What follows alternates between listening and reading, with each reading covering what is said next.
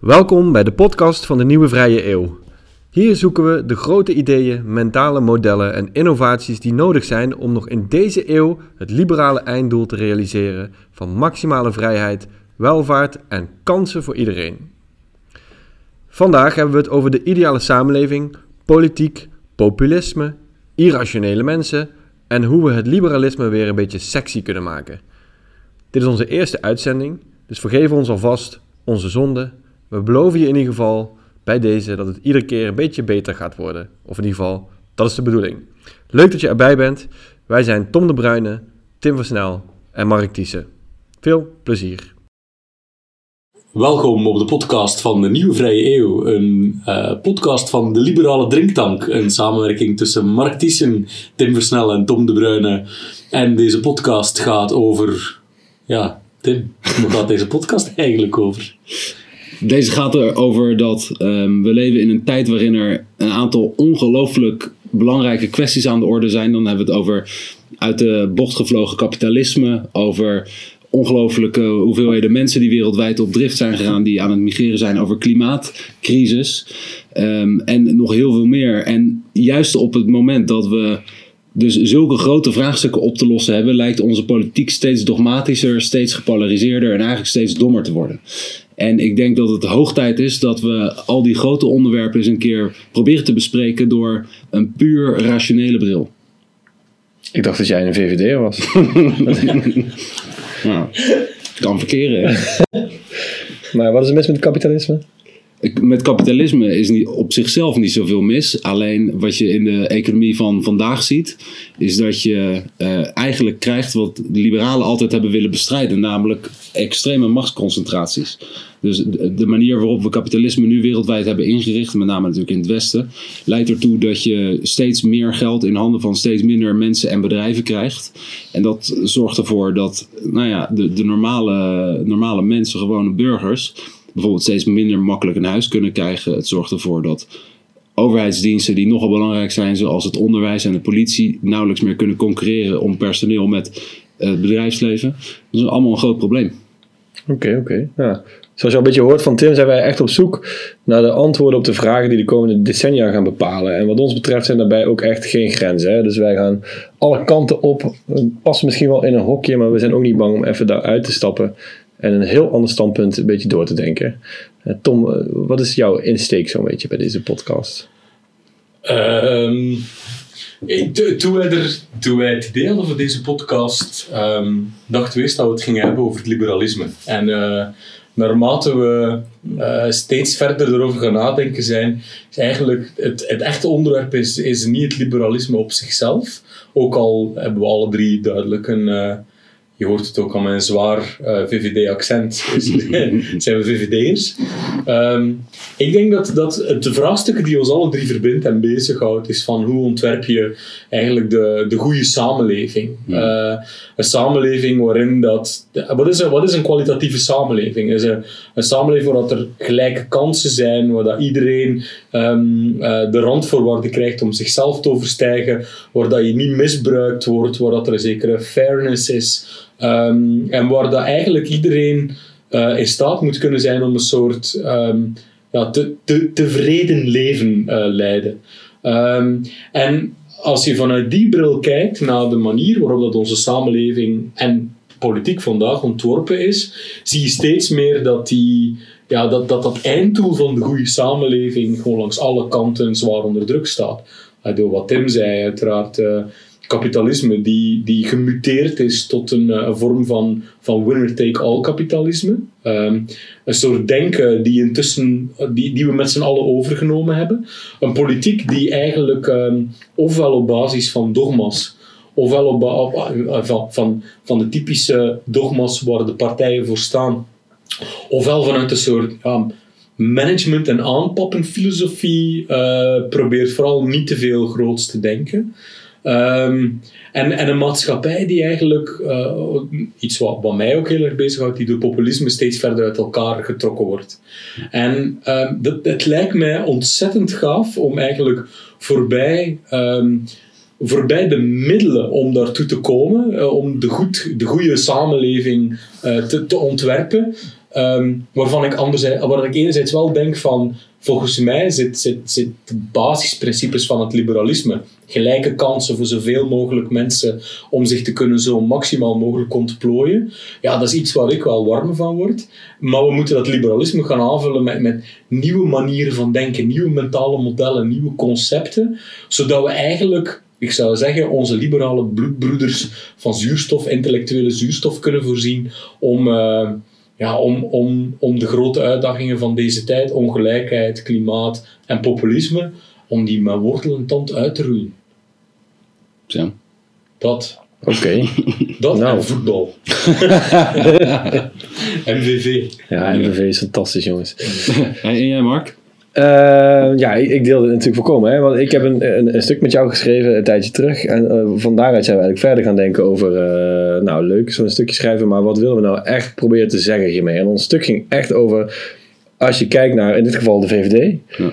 Waar we ze vandaan zijn gekomen en de wereld die is eigenlijk gecreëerd de afgelopen 30 jaar op basis van gedachten zoals voor, hè, de VVD bijvoorbeeld echt, echt aanhangt vanuit het liberalisme. Als je kijkt waar die ons nu gebracht hebben, op zich op een punt met heel veel welvaart, heel veel geluk en een samenleving met volgens mij meer kansen dan een samenleving ooit gehad heeft.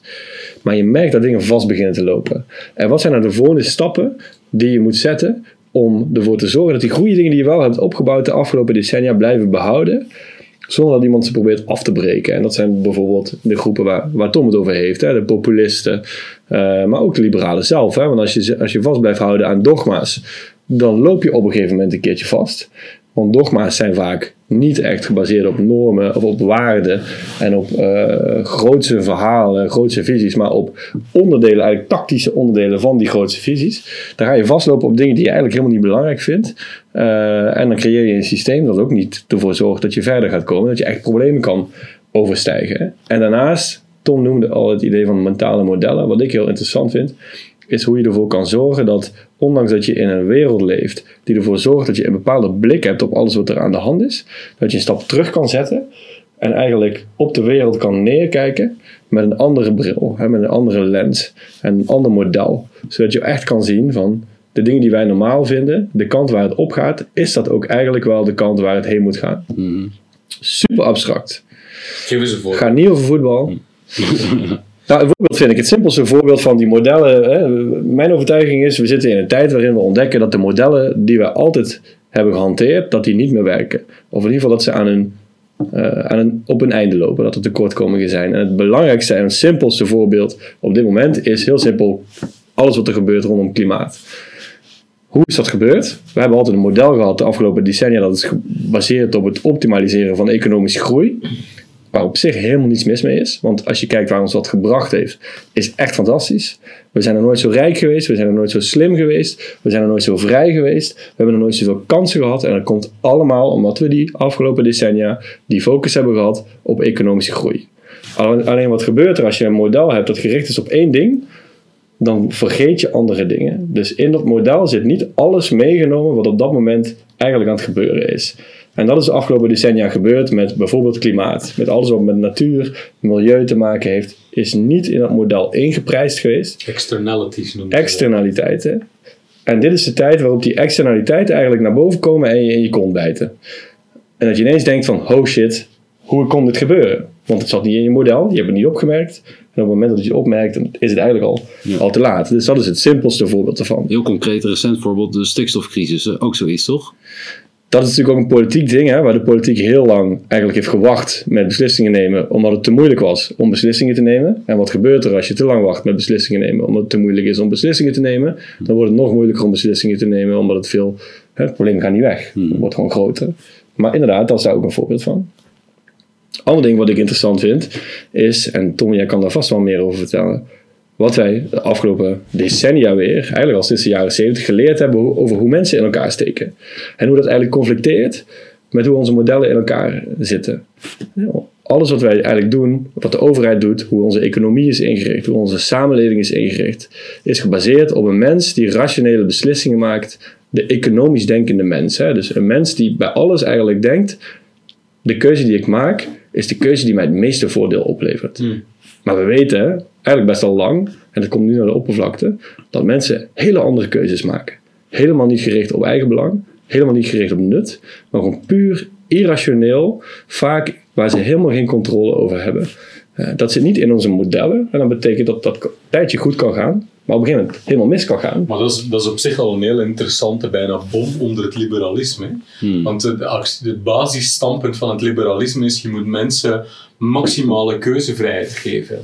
Maar daar zijn twee problemen mee. Eén, hoe meer keuze je ons geeft, hoe meer keuzestress we krijgen, hoe meer we verlammen. En twee, hoe meer slechte keuzes we maken, omdat we gemanipuleerd worden door de keuzes die we gepresenteerd worden. Aangezien we ze toch niet rationeel kunnen maken, eh, maken we bijna eigenlijk altijd goed ontworpen, gemanipuleerde keuzes die meer in het belang zijn van, de, ja, van, van degene die de keuze aanbiedt, dan van, van ons eigen belang. Dat is natuurlijk een, eh, zeker ook het, onder het liberalisme, zoals de VVD voorstaat, is de irrationele mens, ja, die is daar niet in meegenomen. Er is een soort eh, bijna dogmatische, en, en dogmatische ehm, ja, overtuiging dat keuzes goed is. Eh, daarom vind ik trouwens ook het, document van Klaas Dijkhoff eh, zo'n zo'n ah, echt su- super ehm, mooie poging om, om te proberen dat dogmatische eh, te doorbreken.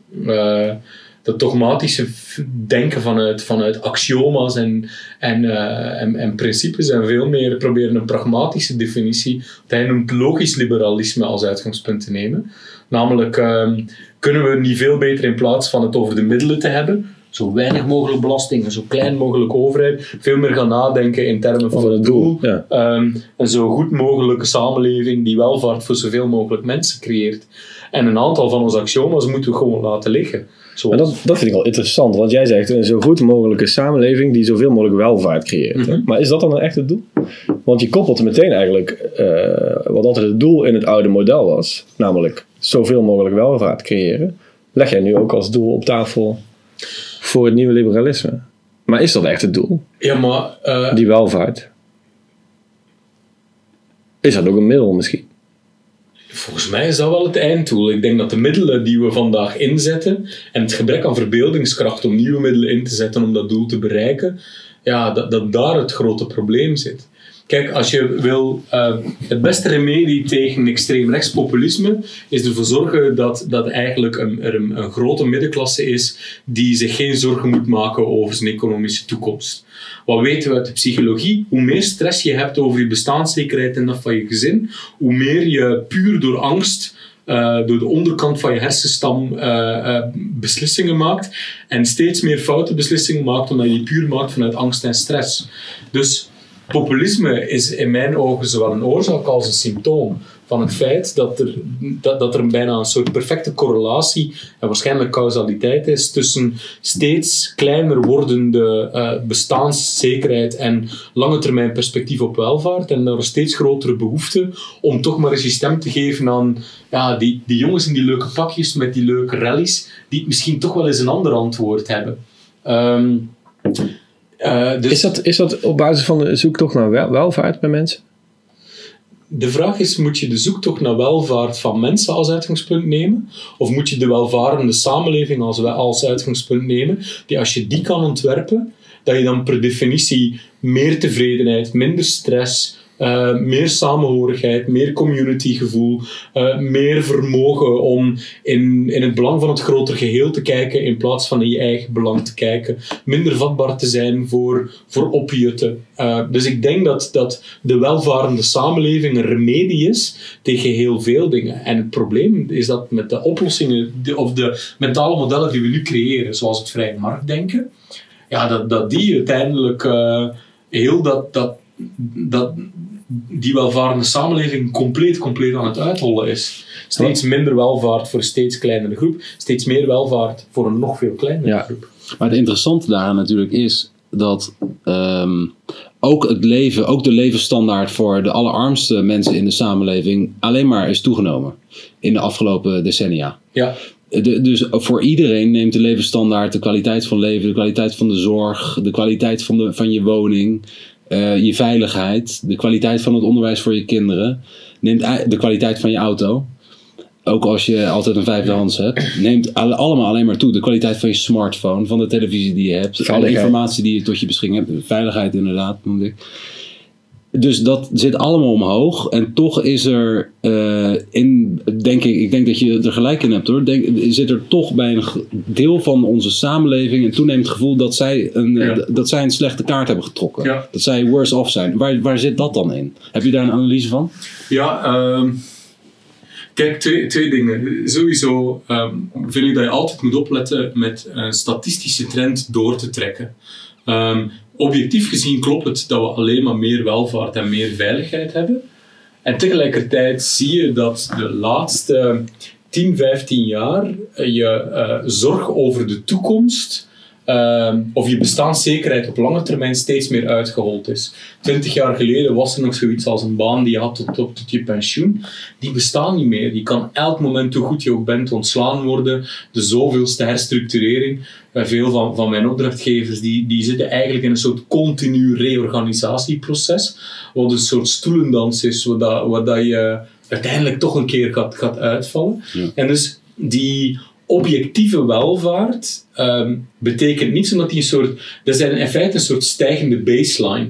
Dus daar waar we 50 jaar geleden heel blij waren dat we een kachel hadden en een verwarming, is nu die baseline dat we blij zijn met een smartphone, een tv, eh, een Netflix-abonnement enzovoort. Die baseline is gestegen. Maar die betekent niets in termen van je zorgen maken over die welvaart. Zeker als je, we zijn, we zijn ontzettend sociale wezens, dus we ankeren alleen maar onze eigen positie in relatie tot anderen. Dus we zien dat wij steeds onzekerder worden, terwijl we rond ons ook mensen zien, de winnaars van dit systeem, dat die steeds puissant rijker worden. Ja. En daar zit het probleem, waardoor dat die enorme te begrijpen eh, drang naar verandering ontstaat. Dus ik neem mensen ook niet kwalijk dat ze, dat ze klaar zijn voor populisme. Ik vind het een logisch symptoom van een falend, een falend model, waar dat we als liberaal denk ik al een antwoord op moeten zien te vinden. Maar mensen verzetten zich dan eigenlijk tegen een soort relatieve achteruitgang. Hè? Dus Mhm. ze gaan er op vooruit in absolute termen. Ja, Maar relatief gezien gaan ze erop achteruit. absoluut. Maar niet alleen bij de rijken natuurlijk. Hè. Ik, ik heb ooit een, een boek gelezen van, van een vrouw die heette Hor, Carly Hochschild over, over de Verenigde Staten. En ze probeerde Trump te verklaren. En dat ging over, ook over relatieve vooruitgang en hoe mensen zich daar eigenlijk tegen opstand komen. En zij zei, je moet het voorstellen dat de Amerikaanse droom is als een poort waar je doorheen loopt. En voor die poort staat een enorme wachtrij met mensen. En die mensen staan allemaal netjes te wachten. En in die rij staan eigenlijk alleen maar blanke mensen van oudsher.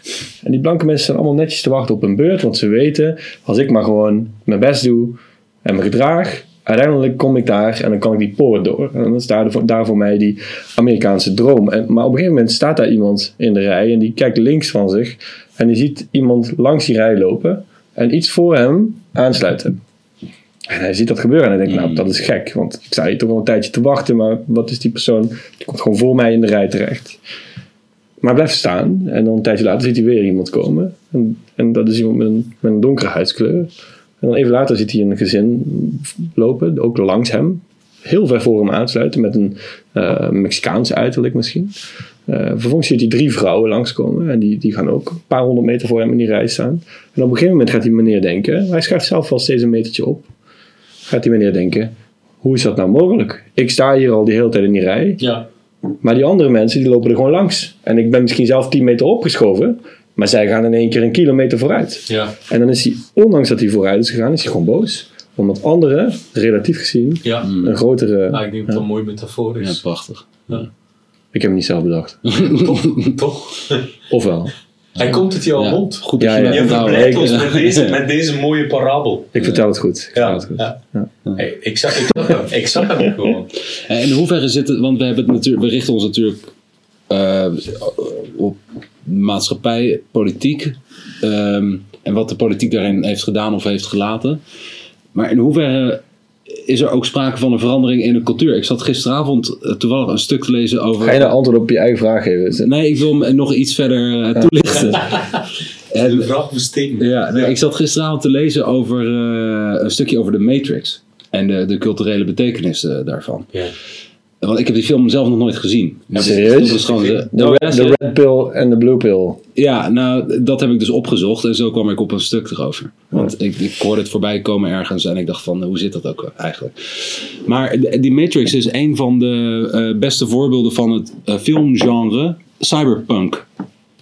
Namelijk dat eh, ehm, dystopische, een dystopie van eh, verregaande eh, technologisering combineert met verregaande sociale achteruitgang. Sociaal verval eigenlijk. En dat, dat genre is relatief nieuw. Dat is echt in de zeg maar, late 80s, 90s begin 90s is het opgekomen. En, dat, en je ziet nu natuurlijk op Netflix hele bekende series zoals, eh, hoe heet het ook weer, Black, Black Mirror. Dat is ook een heel mooi voorbeeld van cyberpunk. In hoeverre is het zo dat we ook op een punt zijn geraakt waarin we ons steeds minder makkelijk, misschien om heel andere redenen dan, dan overheidsbeleid, kunnen voorstellen hoe het nog beter kan worden? En dat daar ook een soort van negativiteit of pe- pessimisme uit voortkomt. Dat pessimisme proef je bijna? Ja. in ieder geval in onze westerse wereld. Ja, kijk, in de 50s, eh, na die oorlog, mensen hadden volgens mij toen een redelijk duidelijk beeld van Ja. wat er nog beter ging, wat er Ja. beter kon gaan worden. En eh, waren ook optimistisch over, de, over technologie natuurlijk. Eh, Dus ik ben gewoon benieuwd naar jullie idee Dat is, daarover. wel, dat is wel een. Uh, uh, vroeger werd ook die metafoor letterlijk van de global village gebruikt. Dus Ja. de, het frame dat we in ons hoofd hadden was zo het, het- de goede samenleving op lokale schaal die we dan gingen gaan uitbouwen op globale schaal. En intussen zit je inderdaad in een soort eh, matrixachtige dystopie waarin dat je eigenlijk niet meer snapt wat die krachten zijn die aan het gebeuren is. Die aan het gebeuren zijn die de wereld compleet bepalen. Eh, de rol van kapitaal, de rol van, van een abundance aan goedkoop geld, eh, de rol van, ehm, van eigenlijk het, het, het, eh, het investeringskapitalisme die in alles zijn tentakels heeft, tot en met de huizenprijzen, hedgefunds die kinderopvang overnemen omdat ze niet weten wat ze moeten doen met geld en dan denken dat daar een, eh, een, een winstopportuniteit zit in kinderopvang. Ja. Het enige wat je als gewone mens ziet is van, hè? dit huis is nu al in vijf jaar tijd eh, drie ton duurder geworden en die kinderopvang is niet meer te betalen. Wat is hier aan de hand? Ik snap dat niet. En, En tegelijkertijd zeggen wij allemaal dat het steeds beter gaat en dat het eh, ja, veiliger wordt. ja, omdat ons KPI, het, het, eh, De groei. het, de groei eh, helemaal aanstaat. Maar ja, die wordt ook aangezet naarmate we meer en meer afval in zee dumpen. Dus het slaat... En hoe groter de financiële sector wordt, hoe groter de groeicijfers ook zijn. Dat is ook leuk. Ja. Maar is dat niet iets wat je je aanpraat, hè, dat pessimisme? Ja, Het dus is een gevoel natuurlijk. Dus ik kan, jou, ik kan een avond op jou inpraten en jij wordt pessimistisch. Ik kan op een andere manier op jou inpraten een hele avond en je bent optimistisch. Maar het blijkt wel alsof onze hele samenleving inmiddels pessimistisch is. Ja, om, Terwijl als we in een overgangsperiode zitten, Ja. dan zitten we ook in een soort van rookwolk. En we weten niet wat er aan de hand is. En dan kun je pessimistisch van worden. Maar voor hetzelfde geld, als die rookwolk is opgetrokken, is er ineens een prachtige nieuwe wereld Dat is ontstaan. waar, maar er is een disproportioneel aandacht in de publieke opinie van, eh, van makelaars in, eh, in, in angst en in woede. Die, die eh, heel goed ehm, de tijdgeest vatten. Heb je daar een voorbeeld van? Ja, moet niet ver zoeken. Hè. Ik, bedoel, ik wil altijd Trump aanvoeren. Maar ook in Nederland is de, de populisten drijven op een discours van verontwaardiging die perfecte tijdgeest voelen. Namelijk dat mensen eh, heel onheimig worden en niet snappen wat er aan de hand is. En, daar, en, en wat, dat, is, dat is ook dat is pure psychanalyse. Is zijn studie over de angst. Ehm, wat Freud achterkwam, was dat eigenlijk de onbestemde angst is verschrikkelijk. Die, kan, die is compleet verlammend. Dus wat is de fobie? Is eigenlijk het koppelen van de angst aan een object, waardoor de angst hanteerbaar wordt. Dus Freud had heel snel door dat een fobie niet een bizar ding is dat je moet genezen, maar eigenlijk een soort irrationele oplossingspoging. En ehm, wat, wat populisten die ik makelaars in angst eh, zie als makelaars in angst, is zij kunnen het onbestemde, on, ongrijpbare verandering die op ons afkomt, die koppelen zij aan heel bestemde, simpele narratieven. Het is de vreemdeling en het Ja. is de elite die het van Ja. aan het afpakken is. En dus er is duidelijk, oh, ik ben het mee eens, er is duidelijk een behoefte aan een optimistisch verhaal. Alleen het progressieve optimistische kamp, die heeft dat verhaal gewoon niet liggen. Ik hoor niet uit de mond van VVD, hoe ziet die fantastische samenleving eruit, die welvarend is. Ik hoor alleen maar eh, bij, bij de groene partijen eh, zelfkastijding en, eh, en, en, en afzien Schaamte. die we, en schaamte die we moeten hebben om, om klimaatdoelen te halen. Ik vind, het, ik vind een van de opvallende dingen eigenlijk de afgelopen tien jaar dat. Hè, ik ben afkomstig uit de politieke campagnes. En dan word je opgevoed met de, de tv-series die gaan over politieke campagnes. En dan eh, heb je de West Wing en dat soort dingen. En daar is altijd een onderscheid. Eh, je hebt de progressieve partijen, dat zijn de partijen van hoop. En dan heb je de conservatieve slash wat tegenwoordig alt-right of hele rechtse partijen zijn, dat zijn dan partijen van angst. Maar eerlijk gezegd, als ik de afgelopen tien jaar kijk, de enige partijen die erin geslaagd zijn om een boodschap van hoop achter te laten bij kiezers, dat zijn de hele, hele extreme partijen aan de rechterkant geweest. Ja. Die zijn erin geslaagd om hoop achter te laten. Als je kijkt naar zo'n Brexit-campagne, het enige wat het pro-kamp zei was: Oh, maar als je hier uitgaat, dan breekt de pleuris uit. Als je uit de EU stapt, raak je aan je baan kwijt. 100% angst. Wat een progressieve campagne had moeten zijn. Terwijl de tegenstand uit de EU stappen zei: Als je uit de EU stapt, dan gaat een nieuwe wereld voor ons Ja. open. Take back control. En als we dat hebben, dan gaan we, gaat ons land weer zo groot worden zoals het ooit geweest is. Ja, Dat was een hoopvolle boodschap. ja, Ik vind dat bizar. ja. Want hè, d- het gaat in tegen alles wat ik ooit geleerd heb. Optimisme zit juist tegenwoordig bij de Ja. partijen die wij populistisch noemen. Ja, Terwijl de andere partijen heel defensief en juist eigenlijk negatief pessimistisch zijn bijna. Ja. Of in ieder geval geen hoopvol beeld er tegenover kunnen stellen. ja. Ja. En misschien is dat waar wij ook naar op zoek zijn, toch? Ja. Maar dat is. Hoe kunnen wij dat beeld wel er tegenover Maar de- de- dat doet me denken aan wat Tom in het begin zei. Dat eh, de, de, het liber- de liberale partijen, maar misschien breder wel de partijen in het midden zijn in, in een soort managementmodus eh, geraakt. Ja. En hebben geen visionaire politiek meer. Nee, Dus, eh, eh, de boekhouding moet op orde zijn. ja, en we, en we Dat hebben is als je visie wil, dan moet je naar de opticien. Ja, de, de olifant in de, de kamer die het zicht belemmert. hè, Toch heeft hij het ook. Ja. Nou ja. Is dat dan? Ik ben historicus, hè? op dat moment ook gewoon gelijk. Op dat moment Ja, was het. Wat- wat- moest er gewoon shit ja, opgelost moest worden. Dus eh, alle, alle credits daarvoor. Maar ik denk dat we er nu niet meer komen zonder wel degelijk de, die Ja. visie over hoe zien we de, de fantastische welvarende samenleving. Ik, een aantal jaar geleden hadden wij een klus voor de Rabobank en eh, hun eh, Wie is wij? eh, met Sue. Eh, Oh, maar dat, dat weten we dan. oh, ja, oké. Ehm, Sue, behavioral design. misschien moet je jezelf even introduceren, Tom. Eh, is dat, denk je dat dat nu een goed idee is? Ja, dat kunnen we ook nog in de inleiding Ja, doen. Dat kan, trouwens. ja. Zo. Dus een paar jaar geleden hadden wij een, een, een, een, een klus voor de Rabobank en die hadden samen e- hun, was het een, een studiedienst of een economieafdeling en een hoofdeconome, Barbara Baarsma, die nu directeur Rabobank Amsterdam is. Ehm, die had samen met de Universiteit van Utrecht eigenlijk een, een, ehm, een soort KPI-tool, een monitoring-tool ontwikkeld en die heet het Brede Welvaartsindicators. En eigenlijk was het een soort tegen, economische tegenhanger voor ehm, de, hoe heet het, de, G, de G, GDP? GDP, ja. Ja, de GDP. economische groei, ja. Dus we weten met z'n allen, GDP is gewoon een waardeloos criterium over de daadwerkelijke ehm, welvaart van een land. En zij zeiden van eigenlijk zijn we op zoek naar meer een diverse set aan welvaart- en welzijnsindicatoren. En dus die studie van de Universiteit van Utrecht had er elf in kaart gebracht. En die hadden dus een veel evenwichtiger beeld gekregen van wat zijn de drivers eigenlijk van een welvarende regio. En waar dat mensen zich goed voelen, dus dat had met veiligheid te maken, dat had met eh, kansenrijkheid te maken, dat had met eh, opleiding te maken en, enzovoort. En ik, ik vond dat echt mindblowing. Ik dacht van, dat niemand hier ooit ehm, eh, zo naar gekeken heeft. En het idee van dat je op, op veel bredere, ook veel subjectievere indicatoren kan gaan sturen in je beleid, in je beleidsprikkels, in de manier waarop je regio ontwikkelt, zodat mensen over de grotere lijn subjectief en objectief welvarender zijn.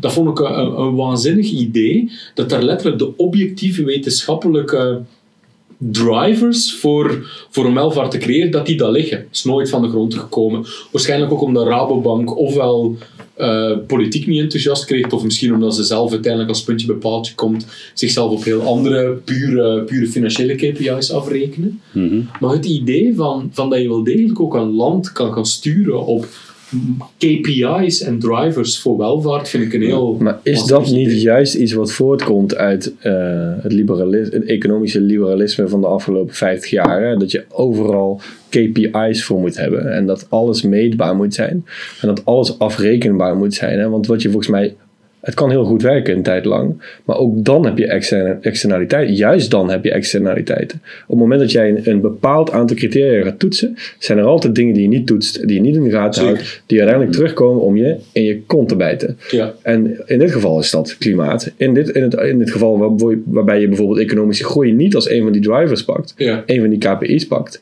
gaat dat je externali- externaliteit zijn over 10 tot 20 jaar. En ik worstel daar heel erg mee. Hè? Want Ja. je wil wel natuurlijk dat je focust op bepaalde dingen en dat het meetbaar is. Maar je weet inmiddels ook dat uiteindelijk iets komt dat je een klap geeft. Ja.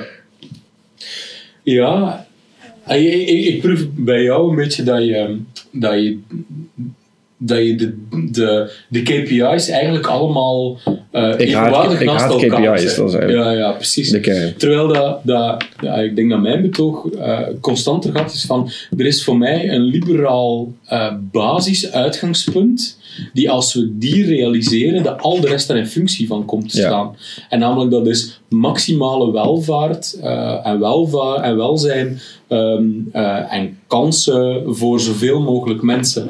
Leven in dit soort maatschappij lijkt mij het meest haalbare wat we kunnen hebben. Ja. En ik denk wel- dat bepaalde KPI's je kunnen helpen om eigenlijk continu te gaan afmeten van zijn, zijn we stapjes aan toe aan het zetten. Zien we dat als we bijvoorbeeld op die ehm, meer kans, kansengelijkheid, meer bijvoorbeeld upward mobility, het idee dat je van een lagere sociale klasse wel degelijk je eigen klasse kan overstijgen. Ik kom uit een arbeidersgezin. eh, zeg, ik ben de, de- het levende bewijs van iemand die door eh, een, een fantastische welvaartsstaat, en toen nog België, België. Ehm, die door, door een fantastische egalitaire eh, welvaartsstaat, puur op basis van zonder al te veel moeite moeten doen, zomaar universiteit kan doorlopen Ja. en uiteindelijk eh, het halen. Maar daar zijn we niet meer dankbaar voor. Hè?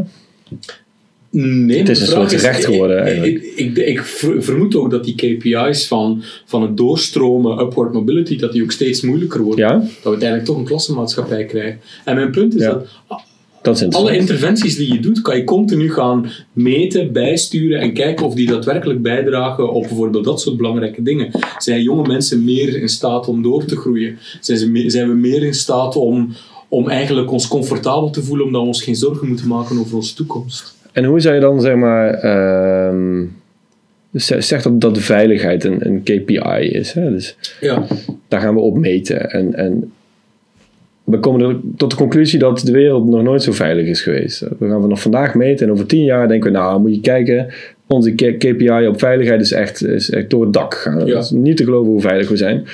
Maar ja alle KPI's kloppen. maar dat is weer het verschil. En tussen- hoe zit het met het gevoel van mensen? Ja, dus het verschil tussen de angst en de fobie is dat de, de onveiligheid wordt vandaag gekoppeld aan eh, onveiligheid omdat je zou overvallen kunnen worden door een migrant op straat. Terwijl dat het eigenlijk slechts een soort fobische koppeling is van een diepere angst en, en onzekerheid. Een irrationeel. eh, dus, ja, net zoals. eh, eigenlijk zeg je dat is hetzelfde als een soort pleinvrees. waarbij je niet naar buiten Ja. durft terwijl er eigenlijk niks aan de hand is. Nee, precies. Oké. Ja. ja, want objectief gezien is niks aan de hand, maar dat moet je niet aan een fobicus uitleggen. Tim, hoe, hoe, hoe leg jij die link, zeg maar, hè, want jij bent lokaal politicus. Hoe leg jij die link tussen zeg maar, de cijfers en wat mensen echt lokaal daadwerkelijk meemaken en voelen? Nou, dat is, daar hebben wij veel eh, discussies over. Want eh, ik zit in de gemeenteraad van Rotterdam. En eh, daar hebben we ook college targets. Dus de coalitie heeft eh, acht heel concrete doelen vastgesteld. En dat zijn, en dat moet dan wat ze noemen rekenkamerproef zijn. Dus dat zijn getallen, eh, eigenlijk indicatoren. KPI's. Ja, in KPI's, waarbij er dan directe relatie moet gelegd kunnen worden, causale relatie tussen het beleid wat je voert en dat cijfer. Maar we hebben, en we hebben dan bijvoorbeeld op het vlak van de samenleving eh, een aantal KPI's die gaan over minder kinderen in armoede, over minder mensen in de bijstand. En bijvoorbeeld ook over ehm, minder eh, statushouders, dus voormalige vluchtelingen in de bijstand. Maar we willen ook, Rotterdam is een super diverse stad. Ehm, met, met 193 nationaliteiten. En eh, Rotterdam is de, tijd, is de stad waar Pim Fortuyn uit is ontsproten. Het is een stad waarin die diversiteit ook al heel lang tot, tot schuring leidt. En tot, tot ergernis aan alle kanten. eh, tot discriminatie, racisme, noem het maar op. En ook xenofobie. Ehm, en wat wij dus ook willen is dat in de samenleving de acceptatie van die diversiteit verbetert. Dat En- is een doel. Hoe doe je dat? Ja, nou, dan kom ik daar dus op. Zie dat maar eens in een cijfer te vatten. Ja. En, en natuurlijk, een deel van de gemeenteraad wil dat heel graag. Dus die wil van, nou, we gaan dan de acceptatie van diversiteit gaan we dan meten. En Ja. hoe gaan we dat doen? Nou, we gaan dan enquêteformulieren langs de deuren sturen. Eh, hebben ze serieus voorgesteld om dan te vragen van, accepteert u iemand met een andere cultuur wel eens niet? en voelt u zichzelf wel eens niet geaccepteerd? Dat heeft dus geen enkele waarde. Kijk, wat je moet doen, eh, vind ik, in, met dit soort eh, zaken is ja, zo, zelf zoveel mogelijk met mensen gaan praten. En accepteren dat je dit niet kunt meten. Nee. Dus kijk, uiteindelijk zijn we natuurlijk ook gewoon mens. Onderdeel van een groep, van, een- van, een, nou, van, een, van een stam eigenlijk bijna met, met 640.000 man weliswaar. Het is een heel grote stam. En maar de, de, politiek is ook, vind ik, dat je gewoon eh, daar een beetje van, ook vanuit je buik gewoon in staat en in Zeker. voelt. Ehm, en op basis daarvan ook durft in te schatten zelf van wat een verstandige stap zou zijn. Of wat iets goed zou zijn om eens een keer als politicus te zeggen. Of waar je eens een keer bijvoorbeeld juist als VVD'er heel eh, heftig voor uit te spreken. Dat heb ik bijvoorbeeld een aantal keer gedaan als het ging om de aanpak van islamofobie. Dat is echt zo'n... zo'n Was je voor of tegen? Nee, ben ik dus tegen. Ah, Oké. Maar er zijn heel veel mensen die vinden het heel prettig om dat eens een keer van een VVD'er heel uitgesproken te horen. Omdat veel mensen met een islamitische achtergrond het gevoel hebben dat de, de VVD ook toch een beetje een milde anti-islampartij is. Ja. Nou, dus dat zijn van die dingen, maar dat moet je gewoon voelen. En ik denk dat, dat ook voor een heel groot deel eh, van wat er misschien wel. eh, nou, ik denk dat je daar misschien wel gelijk in hebt voor een deel als het gaat om je aversie tegen die KPI's. Dat eh, zodra je KPI's hebt, raak je natuurlijk daarop gefixeerd. Tuurlijk. En dat kan wel eens heel erg in de weg staan dat je gewoon vanuit je gut dingen ook herkent en daar ook actie op durft in te zetten. Ja. Dus en, maar, en dan snap ik ook, in de stad is het makkelijker dan, wij- want je loopt, je loopt rond, weet je, je ziet mensen, je spreekt mensen. En landelijk is het natuurlijk alles op een veel hoger abstractieniveau. Maar ehm, daar wil ik dan tegenover zetten dat op het moment dat je een KPI hebt en dat GDP, dat is een onvermijdelijke KPI. Zelfs al zouden we hem niet willen weten, dan ontkom je er niet aan. Nee, omdat die internationaal als benchmark Precies. En ik vind dat als je die dan hebt, dan is het heel gezond om die anderen er ook naast te hebben. Maar ik meen overigens dat, we dat, dat de Tweede Kamer eh, daar ook een keer een motie over heeft ingediend dat ze die ook willen. En dat zit nu ook wel standaard eh, in de begrotingsstukken. Dus dat, dat gaat dan inderdaad over sociale stijging en over, eh, ook over veiligheid en dat soort zaken. Alleen het blijft in, eh, in het denken over hoe gaat het met ons land toch vaak een beetje ondergeschikt. En Rutte die heeft natuurlijk heel vaak gezegd, we staan in alle lijstjes bovenaan, de gelukkigste kinderen en de beste gezondheidszorg en, enzovoort. Wat natuurlijk allemaal van die heel belangrijke indicatoren zijn Ja. naast het financiële. Maar dat willen mensen dan gek genoeg niet weten. Nee. Die zeggen van ja, die lijstjes, dat zijn maar lijstjes. Ja, ja, ja. Dat is mijn leven niet. Dat is ook interessant. Ja. Ik denk dat, dat eh, er zijn zo'n aantal gedachten die dat triggert. Eén is, is dat, ehm, ja, hoe je het draait of keert, we proberen eigenlijk altijd te denken dat een simpele interventie, dat die bepaalde lineaire effecten heeft. Terwijl dat elke samenleving is een, eh, is een gigantisch complex, systeem. Ja. Waar je nooit weet, el- el- elke, elke interventie heeft misschien tien verschillende onverwachte neveneffecten.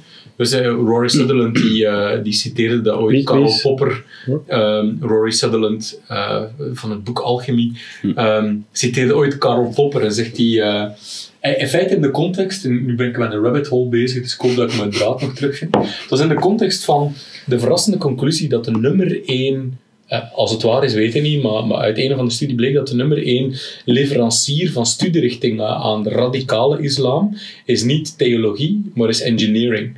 En de reden daarvan, volgens, eh, volgens eh, of de goede, goed het goede uitleg ervan, is dat engineers hebben een soort predispositie om alles in hyperrationele termen te zien. Ze zien de wereld als een soort radarsysteem, net als een koekoeksklok, die mits aan de radars draait, dat, dat dan... Maar, het probleem is, wat Popper zegt, it's not a world of clouds, eh, of clocks, it's of clouds. Dus Ja. een samenleving is een wolk die, die... En we kunnen niet eens het weer, we, we kunnen alles voorspellen, behalve het weer, omdat ja, een, een ecosysteem als, als een, eh, een formatie van wolken en regen is zo'n complex eh, eh, systeem dat dat aan allerlei krachten onderhevig is, dat eenvoudigweg niet te voorspellen valt. En toch, ehm, dit, dit is precies waar ik dus tegenaan ik als je het hebt over eh, toetsbare waarden, hè, zoals KPI's. maar, Want maar wat je aan het doen bent, is je bent de werkelijkheid aan het versimpelen. En dit is, met mentale modellen, Ja. is dit, dit is een hele gevaarlijke. Ja.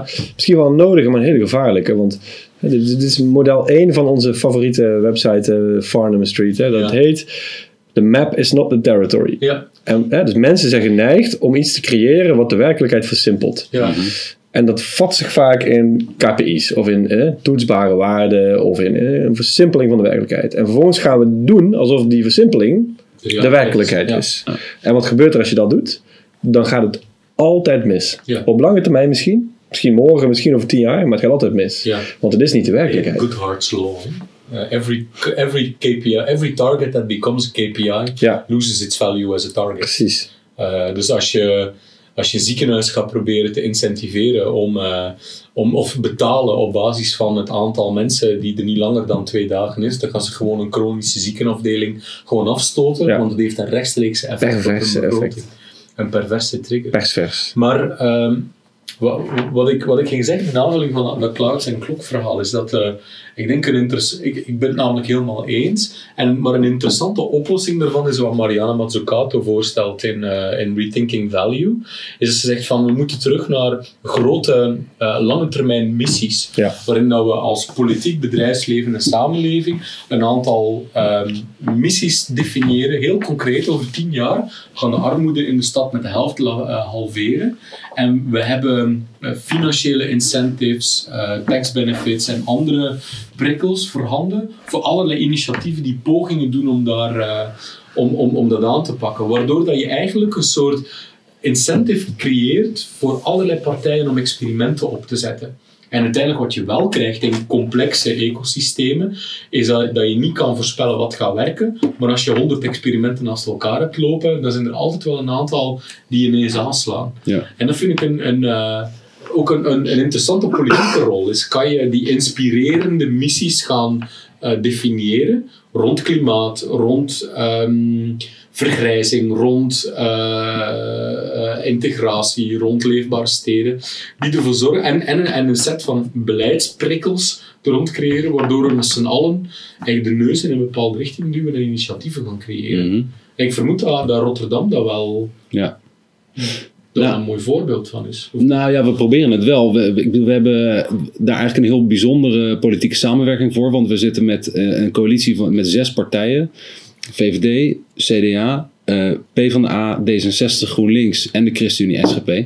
Dat zijn dus eigenlijk zes van de oude landelijke partijen die een meerderheid van één zetel hebben. Dus op het eerste oog is het iets heel sneus. Ja. Ehm, maar we hebben, we, we hebben de ambitie om echt een doorbraakcollege te zijn. Zo hebben we dat ook echt expliciet eh, met elkaar Vet. eigenlijk afgesproken. En Wat wil je doorbreken dan? eh, de armoede in de stad. Rotterdam is eh armoede hoofdstad heel lang van Nederland geweest. Daarmee samenhangt dat we e- echt extreem veel mensen in de bijstand hebben. Voetbalarmoede, hoofdstad van Nederland. Ik geloof dat ze in Rotterdam eh, meer gestemd op kampioen zijn geweest dan in Limburg, vriend. maar, dit, dit knippen we eruit. Ehm, maar, eh, en de laaggeletterdheid is zoiets. Eén op de zes Rotterdammers is laaggeletterd, moet je je voorstellen. Waarvan een heel groot deel gewoon functioneel analfabeet. Dat, dat is je nauwelijks voor te stellen. Ja, eh, en de energietransitie. En, en Rotterdam is een stad, met, met ons 640.000 dragen we 20% van de nationale CO2-uitstoot bij. Natuurlijk door de haven, dat, Ja. maar dat is extreem veel. Het is ook een eh, stad met heel veel verouderde huisvesting. Ja, dat is echt, echt debiel veel. Ehm, en met heel veel verouderde huisvesting, waarvan heel veel ook eh, lage waarden. Ja. En dat is vanuit het eh, perspectief van de rendabel, rendabiliteit van eh, verduurzamen van je woning heel lastig. Want eigenlijk als je kijkt naar wat voor investering erin moet, zijn die woningen in feite totaal los. Economisch. Dus je hebt een hele grote uitdaging. Maar we hebben de ambitie, we willen met elkaar echt een doorbraak forceren door te laten zien dat dit in die context gewoon kan. Oké, laten we dan gewoon proberen toch nog één politiek puntje te maken. Hè? Dus Ja. jij zegt, eh, die huizen die, dat is, die, zijn, eh, die moeten verduurzaamd worden, maar daar is eigenlijk eh, geen geld voor. Mhm. Is dat dan niet een voorbeeld van zo'n zo'n zo'n dogma? Hè? Omdat landelijk, de VVD bijvoorbeeld, een verhuurdersheffing heeft, ingesteld. Waardoor corporaties eigenlijk minder geld beschikbaar hebben om dit soort dingen juist te doen. Mhm. Als, Ja. ik, door- als ik door Amsterdam loop, ik, ik ben nooit zo fan geweest van sociale huur en eigenlijk nog steeds niet.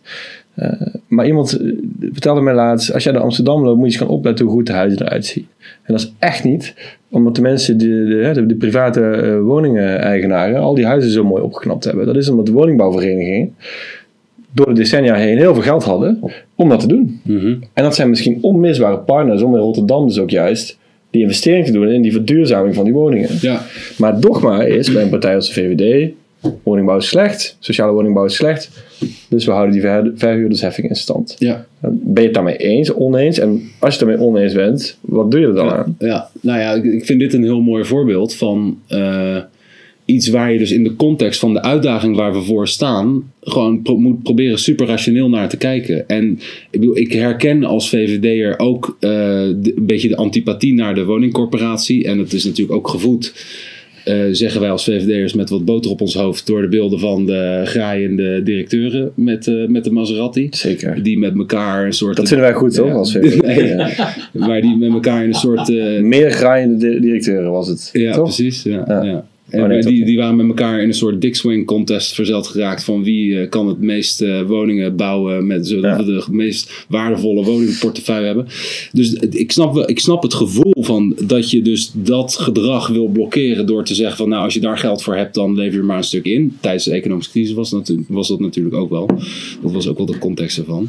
Maar ik denk inderdaad dat als wij dit echt willen. Dus als we zo- zo'n man on the moon bijna Ja. bena-achtige benadering eh, neer willen zetten, dan, moet je de- in de, dan denk ik dat je gelijk hebt, Mark. Dat je moet zeggen van ja, het is niet rationeel om die corporaties die dus zo'n enorme hoeveelheid woningen dan moeten verduurzamen, om die dat geld te laten afdragen aan het Rijk. Nou ja, en volgens mij is het dog- dogma is altijd Ja. geweest, eh, bij mij ook, minder, sociale, eh, minder geld naar sociale, sociale woningbouw. Alleen inmiddels heb ik het eigenlijk opgeknipt vanwege die nieuwe uitdaging. En dat is, ik wil nog steeds een laag percentage sociale huurwoningen in de stad. Omdat ik denk dat dat de woningmarkt gezonder maakt. Ja, Maar ik wil wel dat die sociale huurwoningen die er zijn. En, en, en de woningen die eh, corporaties bouwen. ja, Verduurzaamd zijn, in goede staat zijn. Gewoon de stad een impuls geven. ja. En daar hoort gewoon geld bij. Ja, nou, dat ben ik met je eens. En, maar eh, eh, zo, als je het hebt, zo'n discussie over woningmarkt, dat is een heel mooi voorbeeld van eh, hoe, hoe zo dogmatisch wordt gedacht hè, in de politiek eigenlijk. Dus eh, je hebt denk ik hier een heel terecht punt dat wij daar vanuit zeg maar, de liberale hoek eh, een soort van nou, gewoon irrationele antipathie hebben tegen die corporaties en daardoor geneigd zijn te, te, over, te zeg maar, wat ze wel aan waarde toevoegen. Aan de andere kant, die wonen bijvoorbeeld in Rotterdam is bijna 60% van de, van de woningen is eh, zeg maar lage sociale huurwoningen. En dat is gewoon echt veel te veel. Dat is echt veel. Dat betekent dat Amsterdam je, ook, ja. Ja, dat betekent dat je een heel ongezonde sociaal-economische mix hebt Ja. in zo'n stad. Met dus als gevolg minder ondernemerschap, meer armoede enzovoorts. Dus dat heeft allerlei consequenties. Als wij dan voorstellen van laten we eh, een deel van die sociale huurwoningen eh, vervangen door middenklassewoningen. Dat betekent dus ja, sloop. Als woningen aan het eind van hun economische levensduur zijn. Dus als er toch iets voor in de plaats zou moeten komen. Dan wil links dat niet accepteren. Want dat is zielig voor de mensen die dan uit hun woning moeten. Je jaagt die mensen de stad uit en dat soort teksten. Dus deur dicht, kunnen we niks aan doen. Terwijl, en, en dat vind ik dan super irrationeel. Want je kunt het wel zielig vinden voor die mensen, maar door dat wel te doen, zorg je dat er uiteindelijk veel minder mensen überhaupt in zo'n situatie terechtkomen. Omdat de stad sociaal-economisch veel gezonder is. Dat is iets overigens wat eh Mark zijn grote held eh, Rutger Bregman ooit het eh, wel, heel Hij is die toch genoemd, hè? het loser Ja, ik dacht dat wij hadden afgesproken dat we dit niet zouden doen. hè, Tom. wat hij ooit het loser-socialisme noemde. Ik vond dat een heel mooie metafoor, namelijk dat, dat linkse partijen zich altijd ver, vereenzelvigen met inderdaad de, de losers van het systeem. Terwijl dat, dat het zo'n dogma wordt, dat die beschermd moeten worden. En uiteraard moet die een stukje beschermd worden, maar dat is zo'n dogma dat... dat rationelere oplossingen die waarschijnlijk over langere termijn een, een investering zullen zijn in meer welvaart, niet alleen Ja. in een beter ecosysteem voor de stad, maar voor iedereen. Ja, Eh, dat, dat, dat die de kans niet krijgen. Precies. Ik, ik wil nog, nog terugkomen op iets wat jij zei over jullie coalitie. Wat, wat vind ik wel een mooie illustratie is van dat idee van die, van die missies van Mazzucato. Jullie hebben eigenlijk een soort onmogelijke coalitie. Eh, Je bent tot elkaar veroordeeld, je hebt één zetel, overschot en alle partijen zitten erin die de profileringsdrang hebben. Maar door het feit dat jullie eigenlijk best wel een, een aspirationele missie gedefinieerd hebben, namelijk het doorbraak, eh, de doorbraakcoalitie zijn, heb je zowel het gevoel dat tot ieders verbijstering en verbazing hij wel degelijk lijkt te werken. Omdat je met z'n allen de neuzen in een richting van een bepaald doel kan, eh, kan stellen. Ja. En elk wel een beetje zijn eigen accenten en zijn eigen oplossingen voor, eh, voor gaat doen. Maar zolang we naar het doel, naar het doel blijven sturen, ja, ja, dat we wel degelijk met elkaar door een deur kunnen. Ja. Dat gaat natuurlijk veranderen nu dat die gigantische incentive van 1,2 miljard van ja, in één verdeeld moet worden. ja.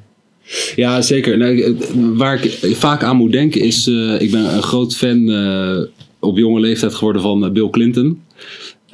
Ik heb op mijn elfde jaar... eh, wil je een eh, bekentenis?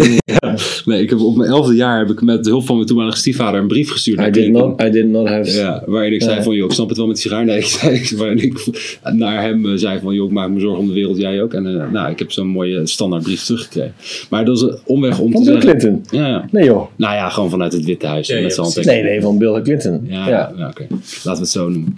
en, ehm, maar hij heeft, na zijn presidentschap heeft hij drie eh, gastcolleges gegeven aan de Georgetown University. En eh, dat is dus gastcolleges van elke drie uur lang. Ze staan ook op YouTube. En ik, dus als fan van hem, maar voor iedereen denk ik die het interessant vindt om eens door de ogen van zo'n man met zoveel, zo'n rijke ervaring te kijken naar politieke maatschappelijke vraagstukken, is het echt aan te raden.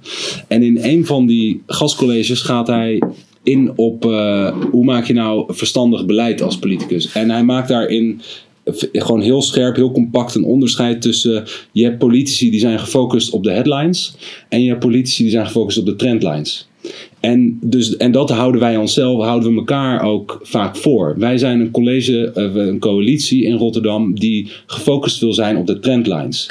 Dus wij willen die grote fundamentele dingen willen we geleidelijk aan de goede kant op duwen. Dat is echt super gaaf. Ja, en, maar de headlines zijn ook wel echt heel kut ondertussen. Ja, ja, ja. ja, er is ja. altijd Dan, dan, dan, dan, over iets. dan moet je discipline altijd hebben, toch? En elkaar scherp houden op het Ja, doel. precies. Ja, en, en, dat, en dat doen we dan dus in die momenten. Van jongens, oké, het is weer helemaal kut, weet je wel. Voor het, het lijkt er, er is weer een wethouder afgetreden of zo. Of het lijkt weer alsof we het allemaal totaal met elkaar oneens zijn. Maar we zijn wel met die heel belangrijke dingen bezig. Ja. En die gaan allemaal ook nog steeds goed, weet je wel. Als het gaat om die, om die woningmarkt, eh, de, de balans herstellen. Als het gaat om mensen uit de bijstand. Als het gaat om die laaggeletterde taaltrainingen geven. Al die belangrijke dingen gaat goed, weet je. En, en daar, daar haal ik een heel groot deel voldoening uit. Dat, dat, dat, dat raakt eigenlijk zijwaarts een, een, een ander. Nou ja, het is niet zijwaarts, het, is eigenlijk, het zit er rechtstreeks in het middenin. En dat is het idee van: er zijn eigenlijk, als je mm, eh, als in de wereld kijkt van, van ondernemen, dan zijn er talloze methodes, systemen, mentale modellen, om, om eerder ons favoriete, ons favoriete woord van 2020 boven te halen.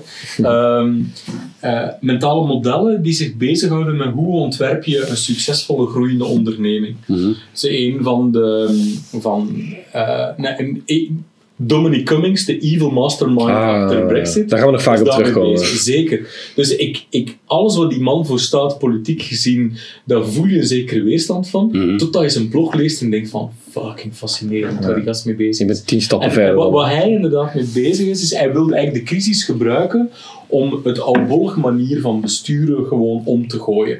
Er valt heel veel daarop weer aan te merken over zijn eigen persoonlijke motieven. Uiteindelijk, als je naar die nare man kijkt, dan weet je dat als de realiteit even niet meegaat, dat, dat, het, dat het gaat veranderen in een soort, eh, in een soort Dystopie, ja.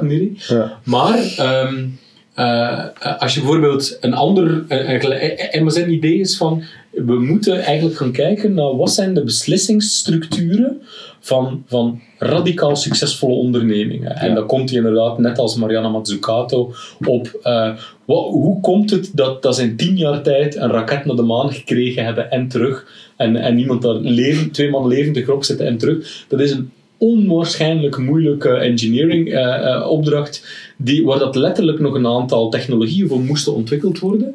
Maar door het feit dat, dat ze een laserscherpe visie hadden, daar naartoe gewerkt hebben. Ja. Ja. In ondernemerschap heb je de Rockefeller habits. Eh, dat is eigenlijk een soort beslissingssysteem ehm, om als onderneming sneller, beter, slimmere beslissingen te nemen in functie van het creëren van een gezonde groeionderneming. En daar zitten eigenlijk elementen in, net als Ja, jullie... de trendlines. Ja, Ja. jullie trendlines of jullie eh, doorbraakmissie.